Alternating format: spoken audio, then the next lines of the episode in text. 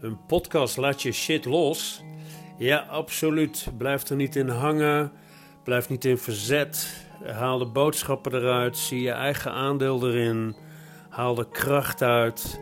Shit is absoluut niet leuk, maar vraagt om aandacht. Pas dan kun je eruit komen. Pas dan kan het je bekrachtigen. En pas dan kun je gaan leven vanuit kracht, passie en liefde. Mijn naam is Rob Derksen en ik ga in deze serie een scala aan tips en handvatten aanreiken, gebaseerd op mijn eigen pad van ontwikkeling en bewustwording en op de ervaringen opgedaan uit mijn werk de afgelopen 20 jaar. Ik wens je heel veel luisterplezier en inzichten toe. Welkom bij deze nieuwe aflevering van de podcast Laat je shit los. Ga, we gaan het in deze aflevering hebben over schaduwkanten. Een uh, onderwerp waar echt zoveel over te zeggen is. Wat zo leuk is om mee te spelen. Um, zo interessant om te ontdekken in welke rol spelen ze in mijn leven. Welke schaduwkanten heb ik? Welke schaduwkanten zijn er actief in mijn leven? Welke schaduwkanten zie ik niet? Nogal logisch natuurlijk, want daarom heten ze schaduwkanten. En ik ga je in deze uh, aflevering ja, allereerst uiteraard vertellen wat schaduwkanten zijn, hoe ze ontstaan, hoe ze je belemmeren, maar ook hoe je ze kunt overwinnen en hoe je ze kunt gaan gebruiken.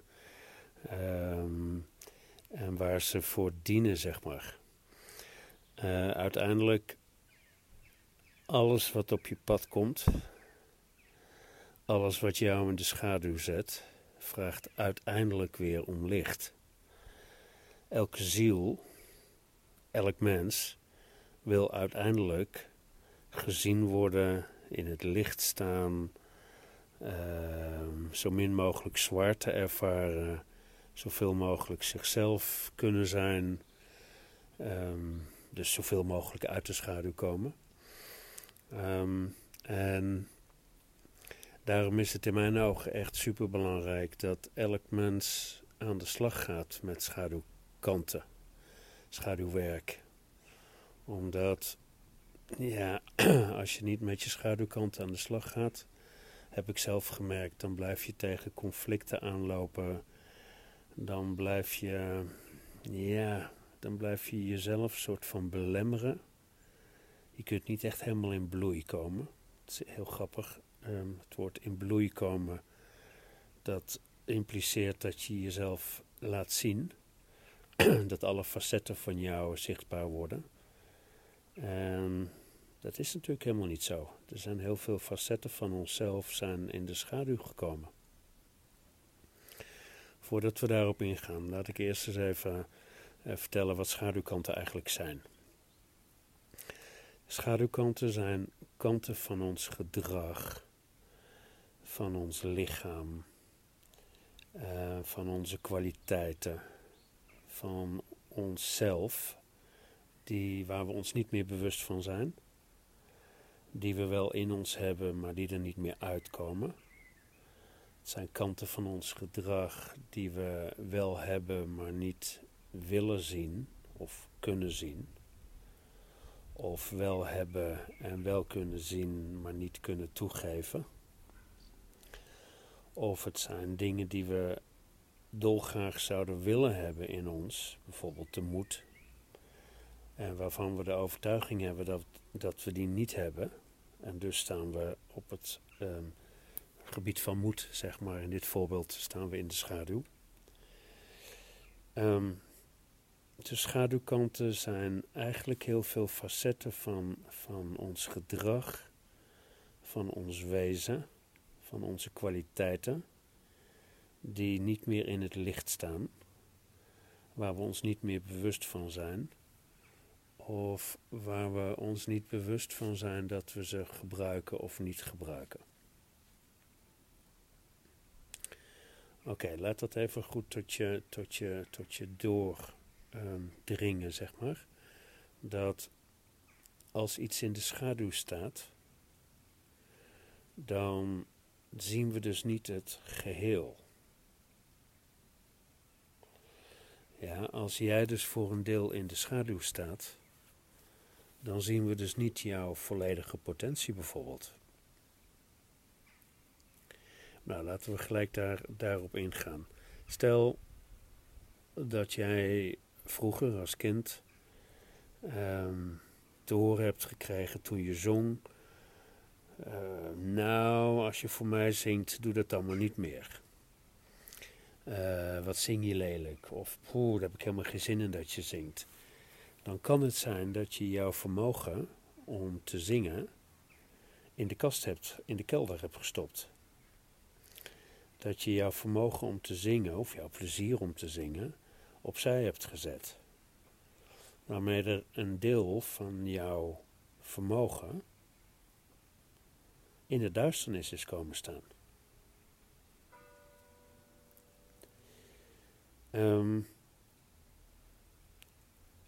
ik ga ervan uit dat elk mens in zich een kern heeft, een ziel heeft, een bezieling heeft, die geen beperkingen kent. Een ziel die wil stralen, een ziel heeft alle vermogens in zich, een ziel heeft alle kwaliteiten in zich en een ziel wil maar één ding, dat is naar buiten komen. Um, in volle potentie gebruikt worden, in volle potentie uh, staan. Um, dus de, de kwaliteit en de kracht van de ziel, van de bezieling, van de energievonk die jij in jouw wezen bent, dat is eigenlijk jouw geheel. Door ons verleden, door de eerste 18 jaar in ons, in ons leven, kom je wel of niet tot bloei? Word je wel of niet gestimuleerd om volledig te kunnen stralen en te kunnen zijn? Als jij bij ouders opgroeit die jou eerder beperkten dan je stimuleerden, dan zijn er waarschijnlijk een groot aantal facetten van jou in de schaduw komen staan. Als jij op school vaak hoorde, wat ben je dom? Of wat ben je onrustig en hou nou eens je mond en ga nou eens stilzitten. Dan kan het zijn dat jouw creativiteit bijvoorbeeld heel erg onderdrukt wordt. Ik moet nu denken aan een, uh, aan een voorbeeld van iemand die me vertelde.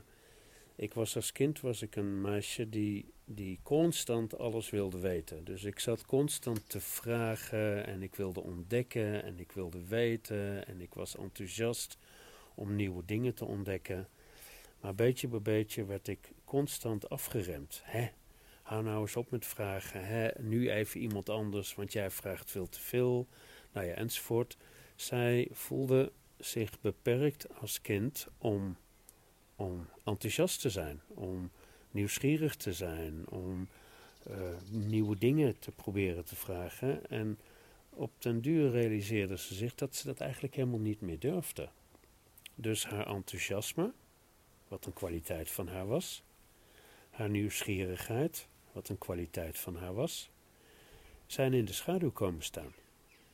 Doordat ze als kind had geïnterpreteerd en had ervaren dat zij niet mocht zijn wie ze wilde zijn. Ik was bijvoorbeeld een jongetje die, die eigenlijk het liefste wilde dansen en zingen en spelen. En mijn vader, die vond dat te verwijfd. Die vond dat ik te verwijfde bewegingen maakte, uh, dat dansen niet voor jongens was. Uh, dus eigenlijk heeft hij mijn, mijn verlangen om te dansen mijn vermogen om te dansen, de kwaliteit die ik in me had om te dansen, heeft hij onderdrukt, waardoor ik dat vermogen in de, in de kast heb gezet. En het gekke was, toen ik eenmaal jaren later uh, op mezelf woonde en een baan had en af en toe naar dansvoorstellingen ging, dan was ik altijd op een hele doordringende, nou, misschien zelfs wel een beetje pijnlijke manier geraakt. En ik vroeg me op een gegeven moment af, wat is dat toch? Ik voelde een bepaalde jaloezie richting die dansers. Ik had het gevoel, oh, ik heb iets gemist in mijn leven. En in één keer werd het me helder door, door dit werk. Werd het me helder, oh, oké, diep van binnen als ik als kind de ruimte had gekregen om te dansen, dan had ik dat waarschijnlijk gedaan. Ik kan me nog herinneren dat ik als kind naar de dansacademie wilde.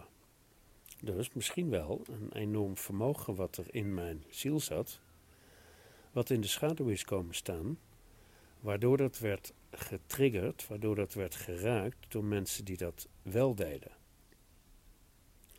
Nou, daar kom ik gelijk op een, op een facet van schaduwkanten. Alle kwaliteiten van jou die jij niet meer durft te gebruiken, of die je niet meer hebt kunnen gebruiken, of die je niet meer hebt mogen gebruiken, zijn kwaliteiten die in de schaduw staan, die opgeslagen staan in de kelder van jouw ja, basement zou ik bijna zeggen. Ehm, en steeds als iemand anders die kwaliteiten gebruikt, dan kan het zijn dat jij een bepaalde afgunst of jaloezie voelt. Ehm, en eigenlijk is dat een hele mooie emotie. Eigenlijk als jij bewust wordt wat die jaloezie of die afgunst jou wil zeggen, Ehm, dan kom je bij een vermogen in jezelf dat in de schaduw staat. Toen ik me bewust werd van het feit dat die dansers op dat podium ehm, mij raakten in het, in het niet meer dansen, kwam ik erachter, oh, als ik werkelijk eh, met plezier wil, wil gaan leven, dan zal ik misschien wel weer moeten leren om op een bepaalde manier te gaan dansen.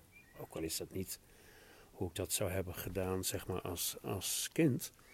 Maar mijn onbewuste, mijn ziel gaf mij dus aan, ik wil dansen. En zolang ik dat niet deed, stond dat vermogen dansen dus in de schaduw. Ja? Ik zou je willen uitnodigen. Denk eens bijvoorbeeld aan iemand die jij bewondert. Gewoon laat eens iemand opkomen waar jij tegenop kijkt, of die bewondert, of waar je een trots gevoel bij hebt. En vraag je dan eens af: wat doet die persoon? Wat is het dat die persoon doet, of, of wat heeft die persoon, waardoor ik dat gevoel van bewondering of afgunst of jaloezie misschien krijg. En ben daar gewoon, gewoon totaal eerlijk in. Geen afwijzing richting jezelf als je, als je afgunst of jaloezie of bewondering voelt. Het is oké, het is een boodschap. En vraag je dan eens, als je je hebt afgevraagd, wat doet die persoon? Of wat heeft die persoon? Vraag jezelf dan eens af: zou ik dat wat die ander doet, zelf meer willen doen? Doet die ander iets wat ik zelf graag zou willen doen, maar niet durf? Of waarvan ik de overtuiging heb dat ik het niet kan?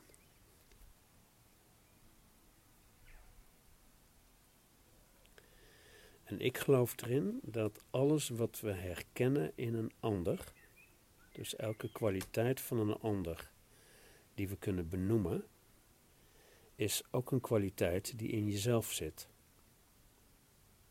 Ik zeg altijd, ik, ik kan niet vertellen hoe het er in Mexico uitziet, zolang ik niet in Mexico ben geweest. Dus ik kan niet vertellen hoe moed eruit ziet, als ik niet ergens in mijn systeem moed heb. Maar misschien is mijn moed wel, toen ik kind was, ontmoedigd. Misschien hebben ze me wel gezegd: kom eens even van het klimrek af, je mag niet meer klimmen. Dus alle, alle, alle triggers die een ander bij jou veroorzaakt, die te maken hebben met jaloezie, met afgunst, met bewondering, zijn allemaal kwaliteiten van jezelf die bij jouzelf om aandacht vragen. Het zij ze zitten erin, uh, maar je durft ze niet meer te gebruiken. Het zij ze zitten erin, maar ze zijn nog niet ontwikkeld. Maar je hebt ze wel, anders kun je ze niet herkennen. Het zij, het is iets wat jij, wat jij veel meer zou willen doen, maar wat je niet durft te doen.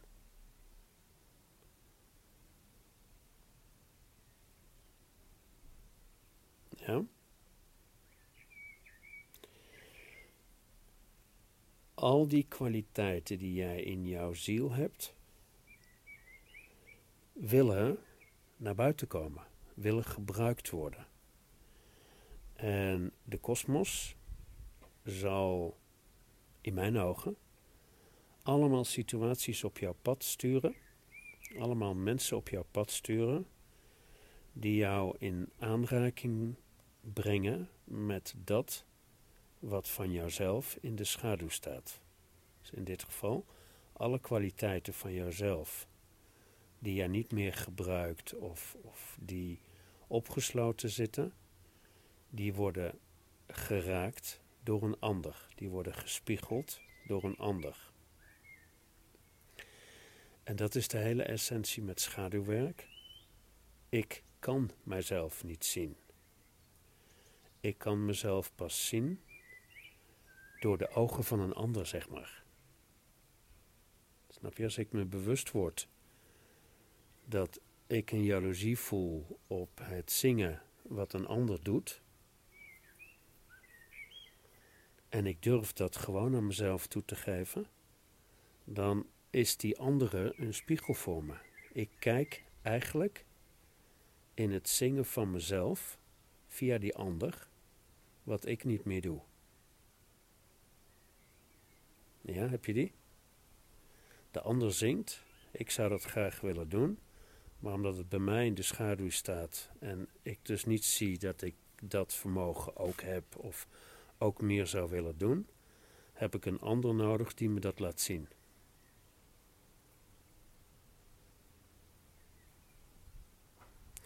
Dus word je, word je vanaf nu echt bewust van wat bewonder ik in welke mensen. Ik geef je een voorbeeld.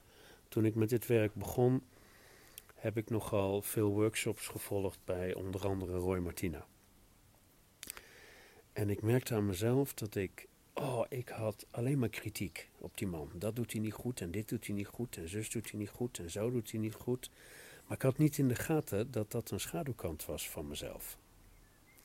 En ik bleef hem dat maar zeggen in trainingen en in workshops van Roy, dat doe je niet goed en dat kan beter. En totdat hij mij op een gegeven moment zei, Rob, heb jij in de gaten dat jij kwaliteiten in mij ziet die jij zelf ook hebt?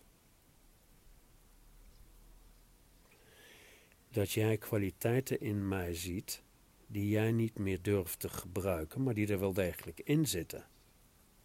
Want anders kun je het niet zo benoemen.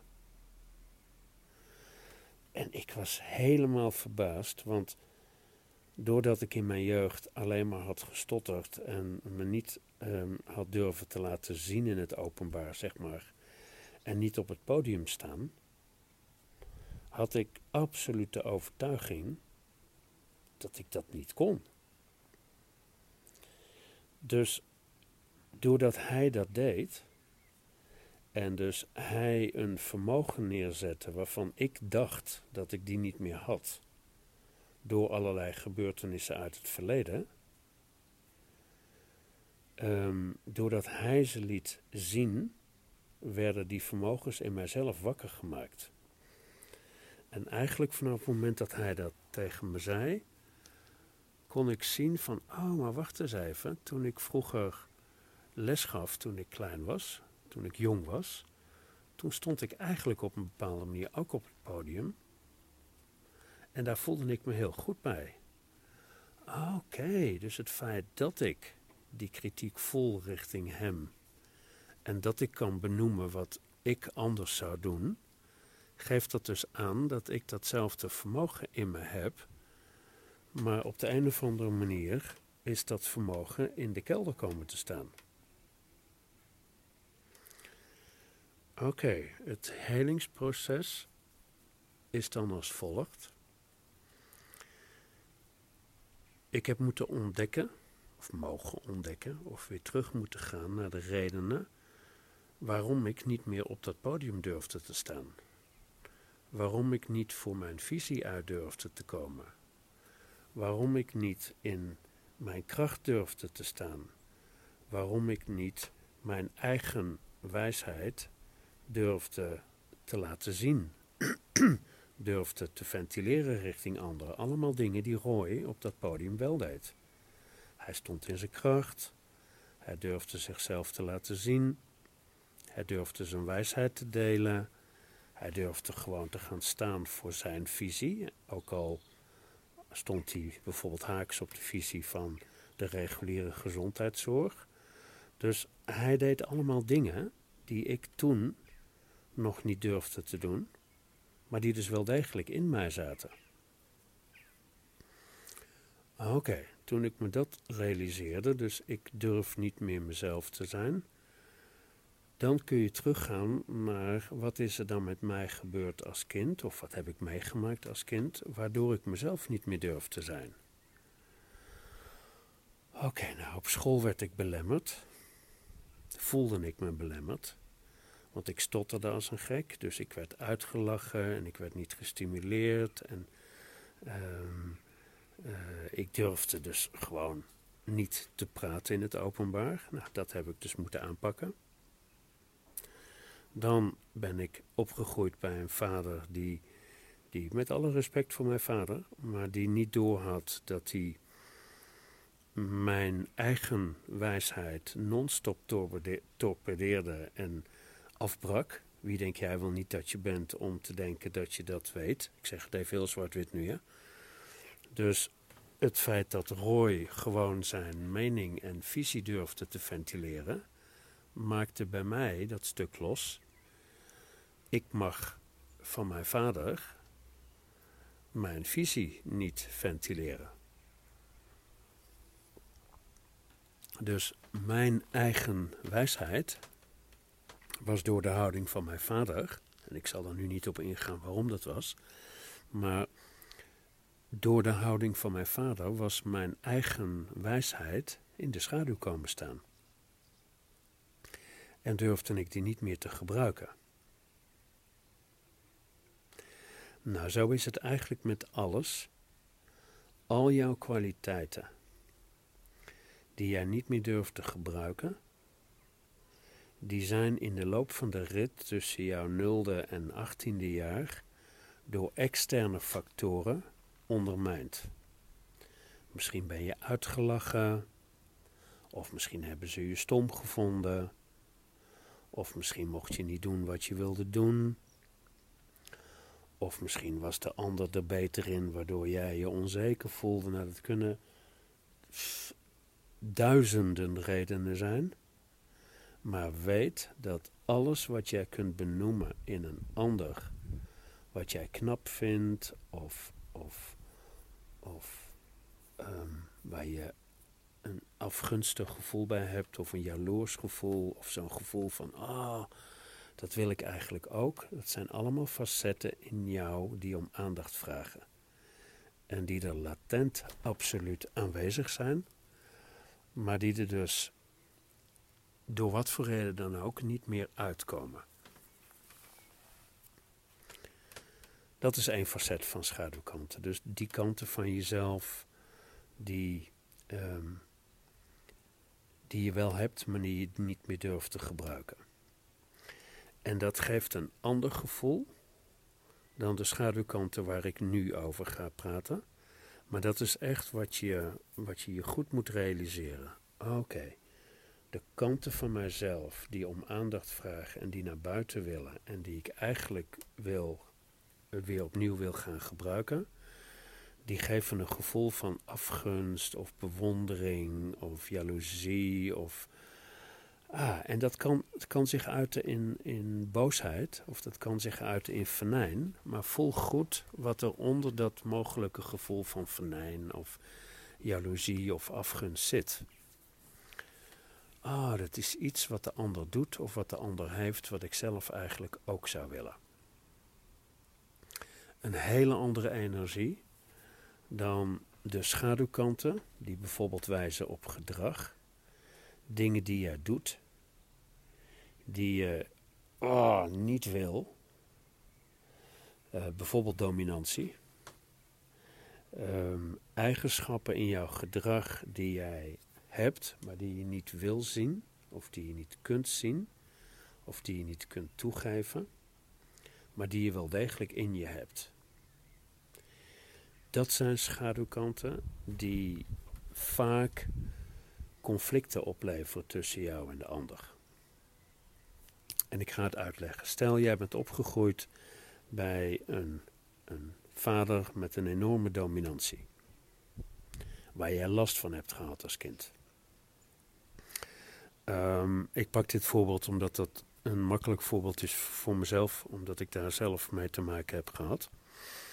Ehm, en ik vind het makkelijker om dit als voorbeeld aan te halen, um, uh, omdat ja, omdat ik daar zelf heel lang mee te kampen heb gehad met het thema dominantie.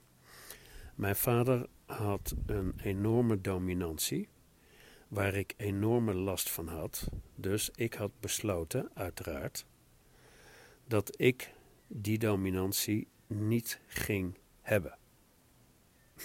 en ik zeg hem expres even zo, want vraag jezelf maar eens af: alle negatieve kanten van je vader of van je moeder zou jij die willen hebben? Vraag 2. Heb je die?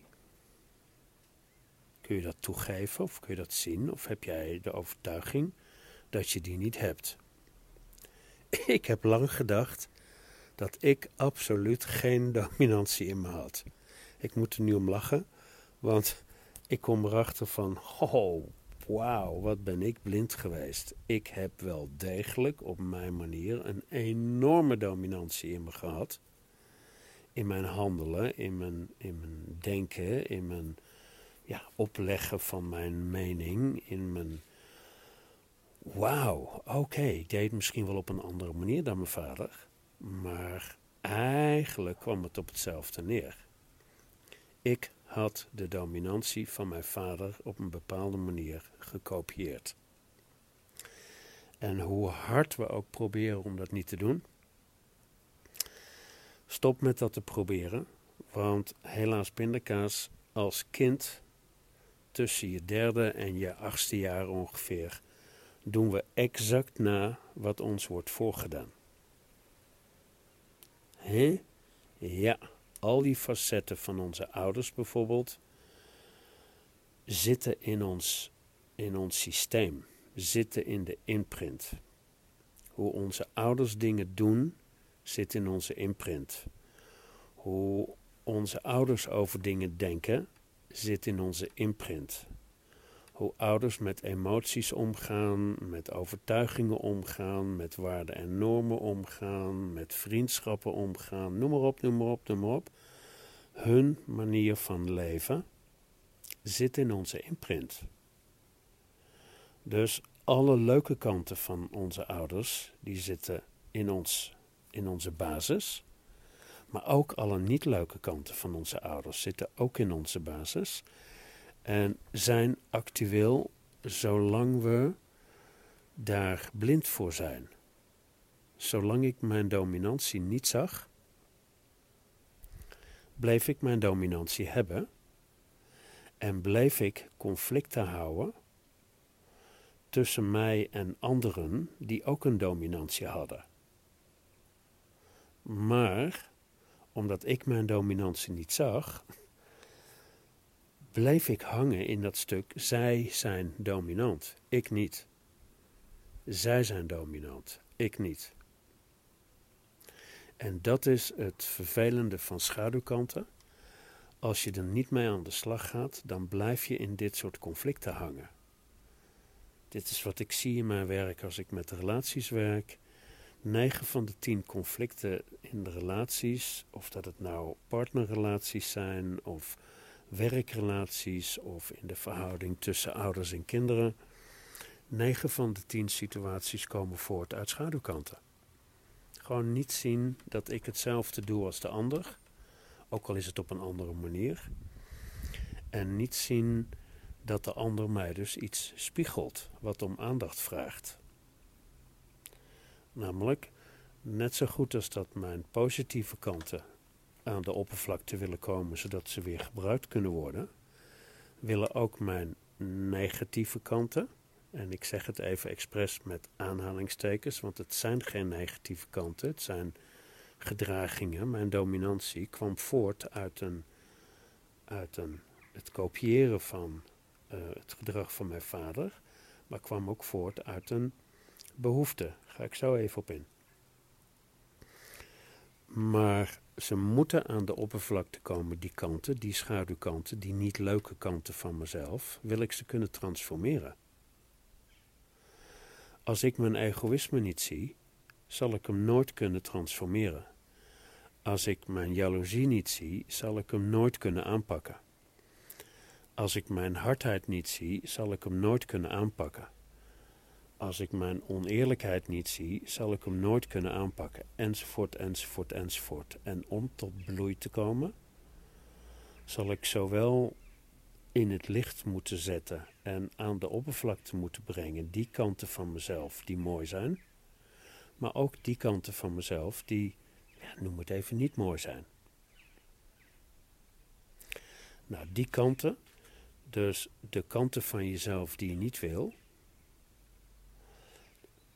wat vaak de kanten van jezelf zijn die pijn hebben gedaan door een ander in jouw jeugd. Dus de dominantie van mijn vader en de jaloezie van mijn moeder en de, het pesten van de, op de lagere school, nou ja, enzovoort, enzovoort. Al die, al die gebeurtenissen die pijn deden en die een bepaald gedrag ehm, in zich hadden, dat zijn kanten die ik natuurlijk zelf niet wil hebben.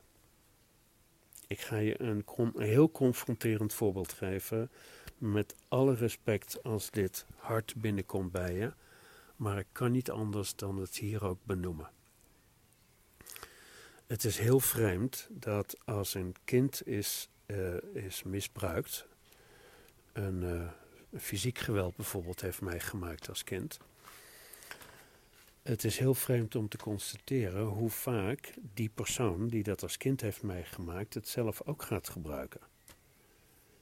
En dan zou je zeggen, hoe is het in vredesnaam mogelijk dat als je als kind bent geslagen, dat je dat als volwassene zelf mogelijkerwijs ook gaat doen? En ik zeg expres even mogelijkerwijs, want het is niet zo dat het altijd gebeurt, maar het gebeurt wel heel vaak. Nou, dat komt omdat we als kind alles kopiëren wat ons wordt voorgedaan. Dus stel dat jouw vader jou iets heeft willen leren met geweld, uiteraard niet goed te praten, maar stel dat dat zo is, dan zit dat aanleren met geweld zit in jouw systeem en je kunt dat pas letterlijk gaan veranderen als jij die gebeurtenis die je hebt ervaren als kind gaat helen. Dus als je de emoties ervan gaat verwerken, als je gaat leren hoe je, wat je eruit te leren hebt, en als je de materie van die gebeurtenis, het fysiek geweld gebruiken door je vader in dit voorbeeld, als je dat gaat verwerken en niet meer wegstoppen. Zolang je het wegstopt, ligt het gedrag wat daarmee te maken heeft op de loer, want het ligt in de schaduw.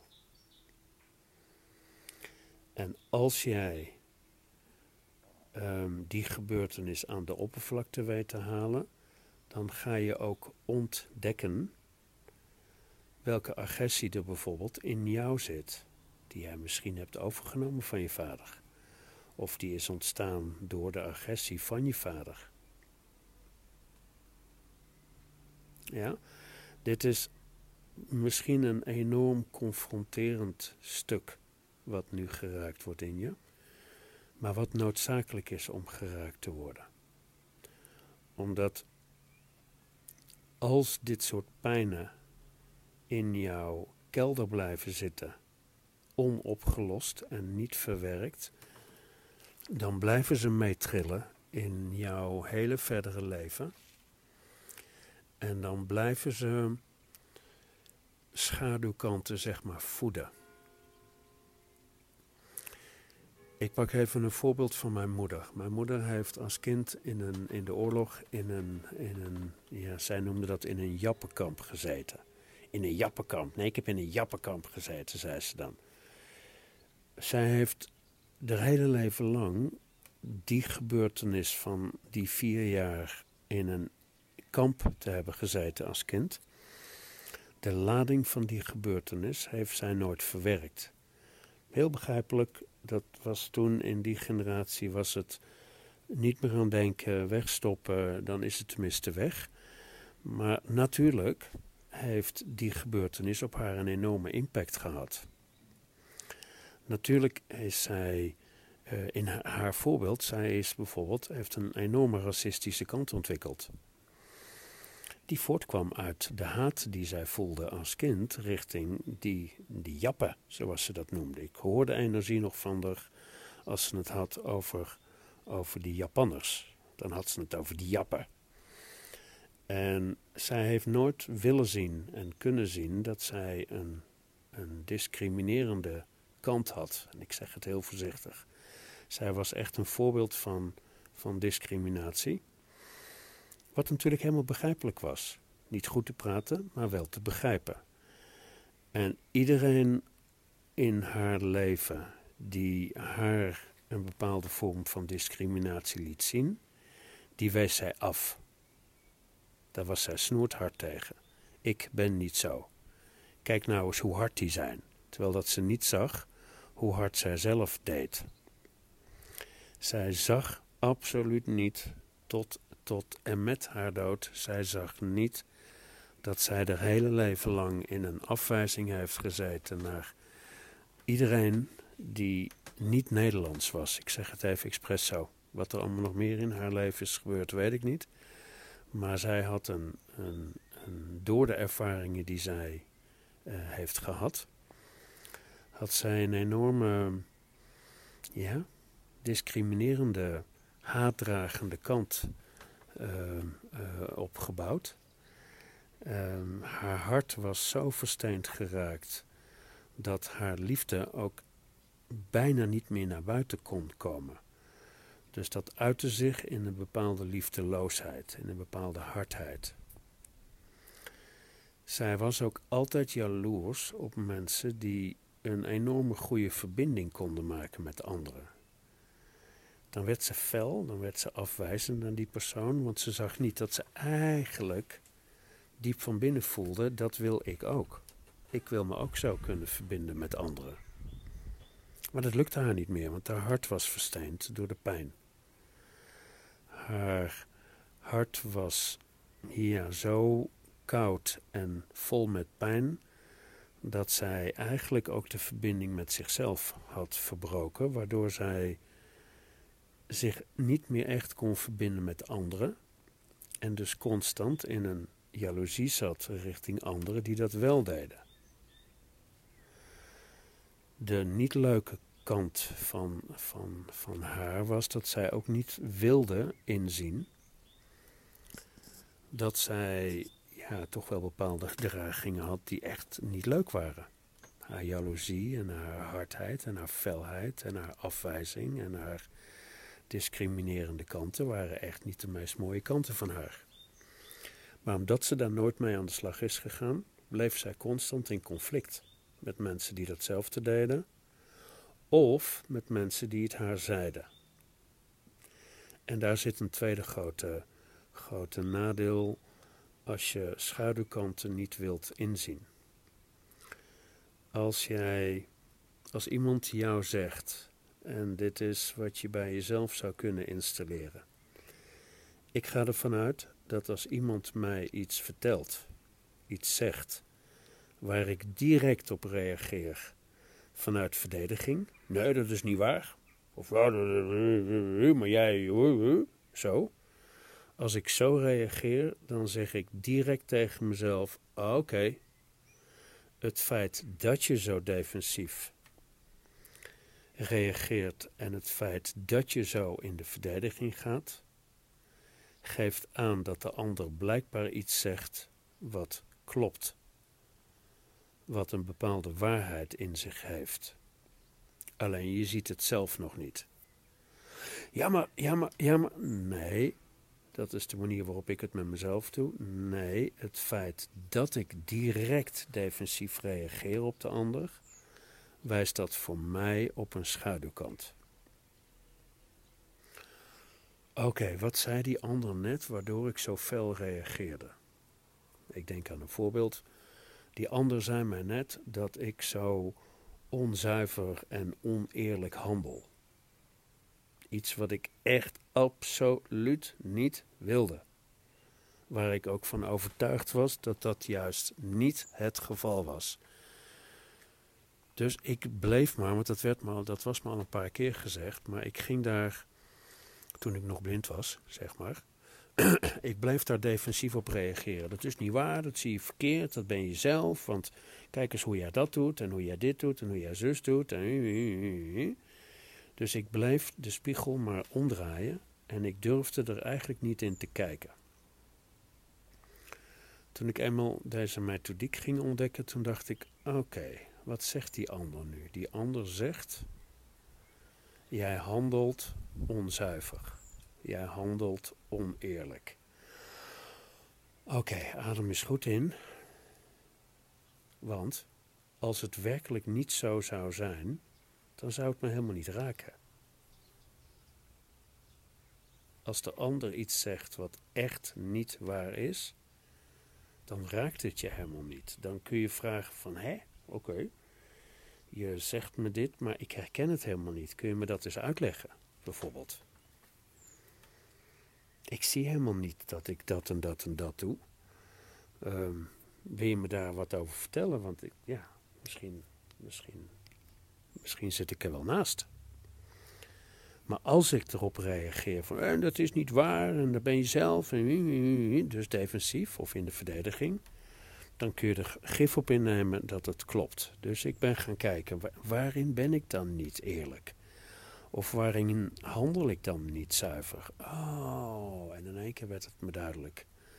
Hoe vaak hou ik niet mijn mond, terwijl dat ik het eigenlijk ergens niet mee eens ben? Ik zeg dan wel, ja, oké, maar eigenlijk bedoel ik, nee, het is helemaal niet oké. Of ik zeg wel, oh, wat leuk om je te zien, terwijl dat ik misschien eigenlijk diep van binnen dacht, oh, ik heb helemaal geen zin in die persoon. Oké, op die momenten handel ik allemaal oneerlijk en onzuiver. Oké. Oké, dat is stap 1 van het schaduwwerk. Je bewust worden dat je iets doet je bewust worden dat je iets voelt. Dus oké, ik word pist of op het feit dat die ander mij zegt dat ik onzuiver handel. Oké, ik ga niet meer in verzet, want ik wil hem ontdekken. Want als dat zo is, dat ik onzuiver handel, dan wil ik dat graag transformeren, want dat is niet wat ik wil. Oké, ja, dat klopt. Ik zeg, ik zei toen ik het nog niet door had. Ik zei heel vaak niet wat ik te zeggen had, of ik zei heel vaak iets wat ik eigenlijk niet zo bedoelde, of ik deed heel vaak iets wat ik eigenlijk helemaal niet wilde. Oh, dat is allemaal onzuiver. Oké, nou, dan kan ik gaan werken. Wat maakt dat die onzuiverheid is ontstaan. En dan kom je automatisch weer uit in je jeugdtijd. Haakje openen sluiten, daar liggen alle trauma's. 9 van de 10 disbalansen die jij in jouw volwassen leven meemaakt, zijn ontstaan in jouw eerste 18 jaar. Ik geloof dat, we, dat ik echt kan zeggen met zekerheid, als je jezelf wilt helen, dan zul je naar de periode moeten gaan tussen je nulde en je achttiende, met ook nog daarvoor zeg maar het incarneren en de tijd in de baarmoeder. Maar alle trauma's die daar zijn opgelopen, uh, of alle disbalansen die jij nu vandaag in jouw leven ervaart, die zijn eigenlijk daar al ontstaan. Dus in dit voorbeeld van onzuiverheid, oh, wacht eens even. In mijn gezin kon ik niet zeggen hoe ik over dingen dacht, want dan werd mijn moeder bijvoorbeeld boos en dan stonden daar allerlei sancties en consequenties op. Het lijkt alsof ik heel negatief over mijn moeder praat, maar dat is niet zo over mijn ouders. Dat is niet zo, maar het is wel zo dat ik gewoon nu heel duidelijk zie Ehm, wat het effect is geweest van hun manier van omgaan met ons als kinderen. Niks is goed, niks is slecht, maar het heeft gewoon een effect gehad. En dat is hoe je er bij jezelf naar moet kijken. Dus mijn onzuiverheid kwam voort uit het feit dat ik niet mezelf kon zijn of mocht zijn of afgestraft werd als ik dat deed. Dus ben ik mijn zuiverheid in de kelder gaan zetten. En is er bij mij een bepaalde vorm van hypocrisie ontstaan, of oneerlijkheid ontstaan, of onzuiverheid ontstaan. En verdomd, zolang ik dat niet doorhad, triggerde ik enorm op mensen met een bepaalde hypocrisie. Ze kwamen steeds op mijn pad. En dat viel mij op bij mensen. En in plaats van te blijven hangen bij zij doen hypocriet, word je bewust, oh, ik zie hypocrisie bij die persoon. Het feit dat ik dat zie, zegt dat iets over mezelf. Oké, in hoeverre kan ik mijn hypocrisie voelen? Als ik weer voel van, nee, dat is niet zo, dat is niet zo, dus weerstand en verzet en er tegen ingaan, dan kan ik er gif op innemen dat hij er wel degelijk is. Als je die onzuiverheid in dit voorbeeld gaat inzien. En je kunt hem toegeven. Dat is een hele moeilijke stap. Dus de eerste stap van transformeren is herkennen. Herkennen van je oneerlijkheid. Het erkennen van je oneerlijkheid. En dat is een hele moeilijke. Durf jij toe te geven dat je hem hebt? Durf je hem volmondig, zonder de ja maar, tegen jouw partner te zeggen: verrek, ik irriteer me mateloos aan jouw jaloezie, maar ik zie nu bij mezelf dat ik hem ook heb. Of ik irriteer me mateloos aan jouw egoïsme, maar ik zie dat ik hem zelf ook heb. Dan ga je groeien in je relatie. En dan pas, als je dus bijvoorbeeld je egoïsme kunt zien, als je hem in het licht zet, dan kun je ermee aan de slag gaan. dan kun je ook aan de oorzaak gaan werken. Dan pas kun je hem gaan transformeren. Want in jouw basis, op zielsniveau zeg ik dan even, had jij die jaloezie niet. Had jij dat egoïsme niet. Had je die dominantie niet. Had je die, nou ja, enzovoort, enzovoort. Al die eigenschappen die je niet leuk vindt. Um, waar je last van hebt gehad in jouw verleden en die je nu bij jezelf moet blootleggen, ha, dat zijn 9 van de 10 keer vaak geen leuke processen om aan te gaan. Maar weet dat als je ze aangaat, dan kom je tot bloei.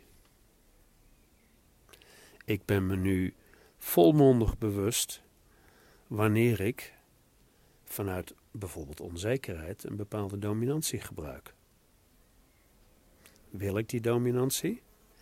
Nee, op die manier wil ik hem niet. Ah, oké, wat maakt dat ik hem heb? Ja, ik wil graag gehoord worden. Oké, jij wil graag gehoord worden en zolang daar nog pijn op zit op het niet gehoord worden, schiet jij dus af en toe, ik, schiet jij dus in die dominantie. Ja, heb je die? En dan kom ik even op een ander punt wat superbelangrijk is om uit te leggen. Ik ga ervan uit dat achter elk gedrag zit een positieve intentie. Ik ga niet gelijk stijgeren, want dat betekent niet dat elk gedrag leuk is of dat elk gedrag goed is. Maar achter elk gedrag zit een positieve intentie. Ik ga je een heel simpel voorbeeld geven. Stel, je bent dakloos of je leeft op straat en je hebt barstende honger en je steelt ergens een broodje. Oké. Het stelen is een gedrag van je. Dus je bent in de benaming een dief. Dat stelen, dat doe je om je honger te stillen. Dus als je onderscheid maakt tussen wie iemand is en wat iemand doet, dan zou je dus kunnen zeggen: die persoon die steelt, die wil zijn honger stillen. Is daar op zich iets mis mee? Ik denk dat iedereen zegt: nee, natuurlijk niet. Tuurlijk is daar niks mis mee. De manier waarop, daar kun je alles van zeggen. Hij kan ook vragen: mag ik dat broodje, want ik heb zo'n honger, bijvoorbeeld, hè, even als voorbeeld. Um, en zo zit het met alle schaduwkanten, met alle gedragingen. Mijn dominantie vanuit ego, vanuit pijn, dus het overheersen van anderen, het, um, het domineren van anderen, kwam voort uit mijn behoefte om gezien te worden, om gehoord te worden om erkend te worden, om bewonderd te worden. Allemaal basisbehoeftes die ik als kind niet of te weinig heb ervaren, waardoor die kant, dat, die ego-kant, die pijnkant, dominantie is ontstaan. Oké, is er iets mis mee dat ik gezien, gehoord, begrepen, gerespecteerd wil worden? Nee, daar op zich is niks mis mee. Dat wil iedereen. Daar op zich is niks mis mee. Dus ik ben oké. De manier waarop, vanuit die dominantie of vanuit egoïsme, ah, dat is een manier vanuit pijn. Die gebaseerd is op een vroegere pijn. En dat wat ik wil, is ik wil mijn schaduwkanten dusdanig kunnen transformeren dat ik wel mezelf laat zien en wel ervoor zorg dat ik begrepen word, maar niet vanuit een dominantie, maar vanuit een zelfverzekerdheid.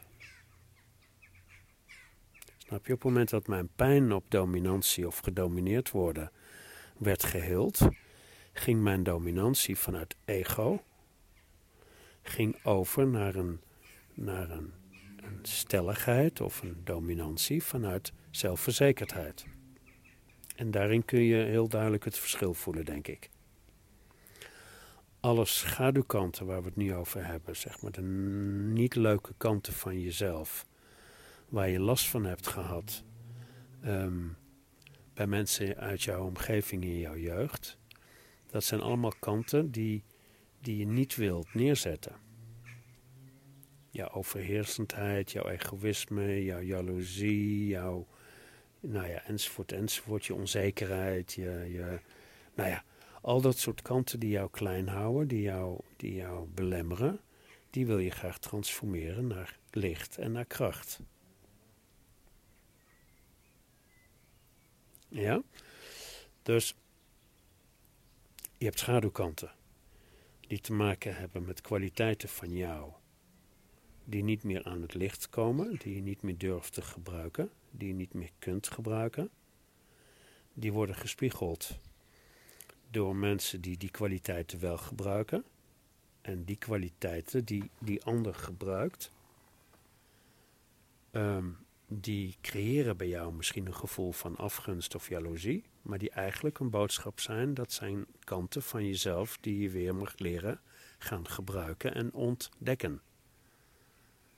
Zie je het mooie van dat woord? Ontdekken. Het is bedekt geraakt. Dus het is in de schaduw komen te staan. Dat is één. Twee. Al die kanten van jezelf, van je gedrag, die, uh, waar je last van hebt gehad in jouw verleden, omdat een ander jou dat uh, uh, liet zien of liet ervaren. Al die kanten die je wel hebt, maar niet wil inzien, of kan inzien, of niet kunt erkennen, of niet wil toegeven. Dat zijn allemaal kanten die gespiegeld worden door anderen, die dat ook doen, of die jou daarop wijzen, maar die leiden tot conflicten. Als een ander je dat zegt, dan kom je in conflict. Dat is niet waar. Ik ga in de verdediging, ik ga in, de, in, de, in, een defensieve houding en ik ga het weer terugleggen bij de ander. Of um, ik kan me niet echt verbinden met mensen met diezelfde dominantie of mensen met een bepaalde egoïsme. Uh, of ik wijs ze af. Ik heb een hekel aan die mensen. Ik heb een. Ugh, nou, dat is een heel ander gevoel. Ik zei net uh, bij, bij dat eerste, eerste voorbeeld over schaduwkanten.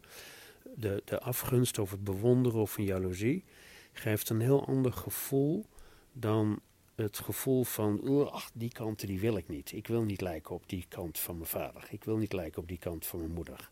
Ik wil niet toegeven dat ik dat heb. Die dominantie van die, van die man, van die baas van mij, dat is niet wat ik, wat ik heb. Bah, zie je, dat is een afwijzing. Als je dat voelt, dan wijst dat op een schaduwkant van jezelf, die, die ook gebaseerd is op pijn, maar die een heel ander werk vraagt dan die eerste schaduwkant van bewonderingen. Ja? Dan hebben we nog een derde. en dat is de schaduwkant van ons lijf.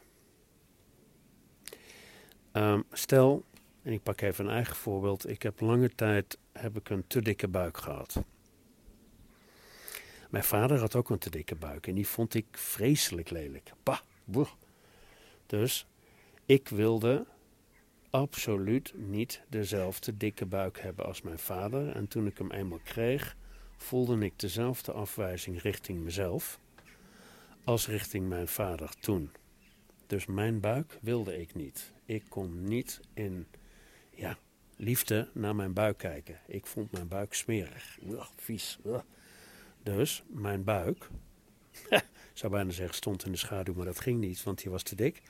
Maar ik, ik, ik, ik wendde me af van mijn buik. Waardoor de boodschap die daaronder zat, wat zit daar dan onder? En ik ben niet mijn dikke buik, dus het werk wat ik daarop te doen had, liefhebben, van mijzelf en van mijn lijf, ook al heb ik een te dikke buik. Snap je? Dat stond allemaal in de schaduw. Dus alle kanten van jezelf die je afwijst, die je niet mooi vindt, die je lelijk vindt, waar je een afwijzing richting voelt, zijn allemaal kanten van jouw lijf die om aandacht vragen, die om liefde vragen, die om verbinding vragen. Vraag jezelf af wat maakt dat ik niet kan houden van mijn borsten of mijn buik of mijn handen of mijn ogen of mijn haar of mijn whatever, whatever. Er is dus ergens, en deze samenleving is natuurlijk als je geen maatje 36, 38 hebt of je hebt geen sixpack of nou ja, noem maar op, je hebt niet een fotomodellijf, dan, dan ben je lelijk.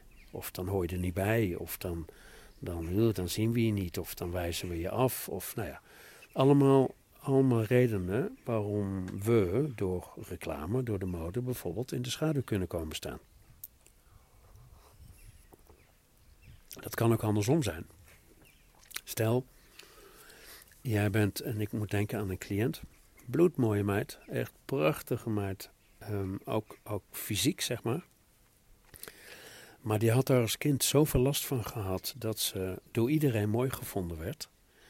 En iedereen wilde wat van haar. Iedereen die, die zag haar alleen maar staan omdat ze zo mooi was. Dat zij een afgunst is gaan ontwikkelen richting zichzelf. Dus toen zij in de workshop kwam en toen we haar zeiden: Wat ben jij een mooie vrouw?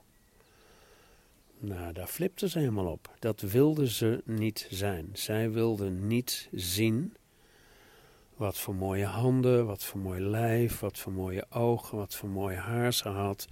Allemaal facetten van zichzelf die dus in de schaduw stonden. Je kunt je voorstellen wat voor impact dat heeft. Vraag jezelf maar eens af, wat maakt, wat voor impact heeft het op mij als allerlei facetten van mij niet mooi gevonden worden? Als die allemaal afgewezen worden, als die in de schaduw komen staan, als die er niet mogen zijn. Nou, je voelt het waarschijnlijk al, dat roept een bepaald verzet op, dat roept een bepaalde pijn op, dat creëert een bepaalde pijn bedoel ik. En dat zijn allemaal facetten die om aandacht vragen. Dus we hebben dit meisje ontzettend moeten leren, weer, weer geleerd om van zichzelf te houden. Maar dat kon ze pas op het moment dat zij de pijn van haar ervaring uit het verleden kon transformeren en loslaten. Oh, het feit dat ik toen zoveel moeite heb gehad met het feit dat ik zo mooi was, betekent niet dat ik mijn hele leven lang moet ontkennen dat ik mooi ben. Sterker nog, ik mag gaan ontdekken dat iedereen mooi is, maar dat het gewoon klopt, zei ze ook aan het eind van de workshop, dat het klopt. Verrek, ik zie nu inderdaad dat ik inderdaad wel heel prachtig mooi haar heb, bijvoorbeeld. Ha, waardoor zij dit gevoel kreeg. Nou, ik zou hier nog echt uren over kunnen praten met je. Maar we zijn al een uur onderweg. En uh, ja, dit is echt een onderwerp wat zo interessant is. En waar zoveel over te vertellen is. En wat zo, zo'n impact heeft als je ermee aan de slag gaat. Dat ik je. Um, ja, ik nodig je echt uit om hier bewust mee aan de slag te gaan. Wat zijn schaduwkanten? Uh, wat kan ik ermee? Wat staat er van mezelf in de schaduw? Hoe reageer ik op anderen? ah, ik wil toch nog graag één voorbeeld geven. Um, omdat me dat zo raakt om te zien. Heel vaak um, zijn conflicten tussen ouders en kinderen komen voort uit het feit dat het kind iets doet, bijvoorbeeld, wat een ouder niet heeft kunnen doen richting een moeder. Ik, ik, ik geef een voorbeeld. Ik denk aan een, aan een cliënt, een moeder en een dochter, die enorm in conflict zaten. Dochter die zei, nou, nam geen blad voor de mond en zei, wat ben je, een kutmoeder? En die, die gooide er alles uit wat zij dacht. Alle boosheid die zij voelde richting haar moeder, die gooide zij eruit. En moeder, die flipte daar helemaal op. Zo praat je niet tegen je moeder en dat kan niet. En waardoor zij haar dochter eigenlijk totaal niet meer kon horen. Op een gegeven moment vroeg ik die moeder: Doet jouw dochter iets wat jij in jouw jeugd niet hebt mogen doen? Dus met andere woorden, zit er in jou eenzelfde boosheid richting jouw moeder als dat jouw dochter jou laat zien? Ze zegt ze: Verrekt, dat klopt. Mijn dochter spiegelt eigenlijk en maakt de boosheid in mezelf los. Ik zeg, als je dit gaat zien, dan kun je tegen jouw dochter zeggen: Wauw, ik word zo geraakt door de boosheid die jij mij laat zien, want het maakt mijn eigen boosheid los. Maar ik bewonder het eigenlijk wel dat jij het durft te doen, want ik heb het nooit durven doen. Snap je hoe, hoeveel impact het kan hebben als je zicht krijgt op je schaduwkanten? Zicht krijgt op je gedrag. Zicht krijgt op hoe voel ik me ten opzichte van anderen? Hoe voel ik me als een ander mij iets zegt? Hoe voel ik me? Hoe reageer ik erop als een ander mij een verwijt geeft, bijvoorbeeld? Allemaal facetten waar je mee aan de slag kunt gaan om jezelf in bloei te zetten. Um, ik kan me voorstellen dat je hier echt veel meer over wilt weten of wilt lezen.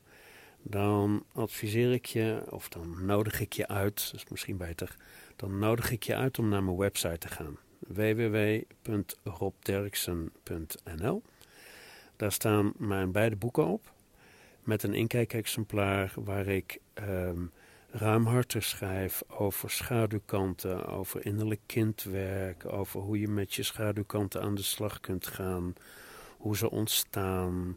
Um, het zet je echt in beweging. Dus mijn boeken kunnen je helpen.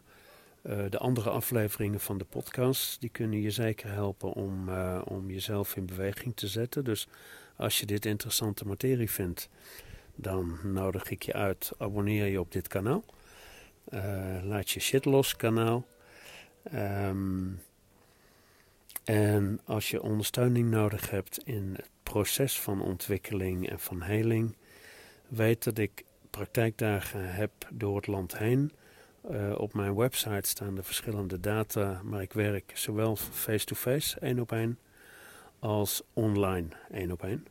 Of met partners, of met uh, ouders en kinderen Um, loop niet meer weg voor je schaduwkanten. Loop niet meer weg van de conflicten. Uh, loop niet meer weg van je shit. Ga ermee aan de slag. Pas dan ga je tot bloei komen. Dank je enorm voor het luisteren, voor je interesse en ik wens je alle goeds op jouw pad van ontwikkeling. En wie weet tot horens bij een volgende aflevering.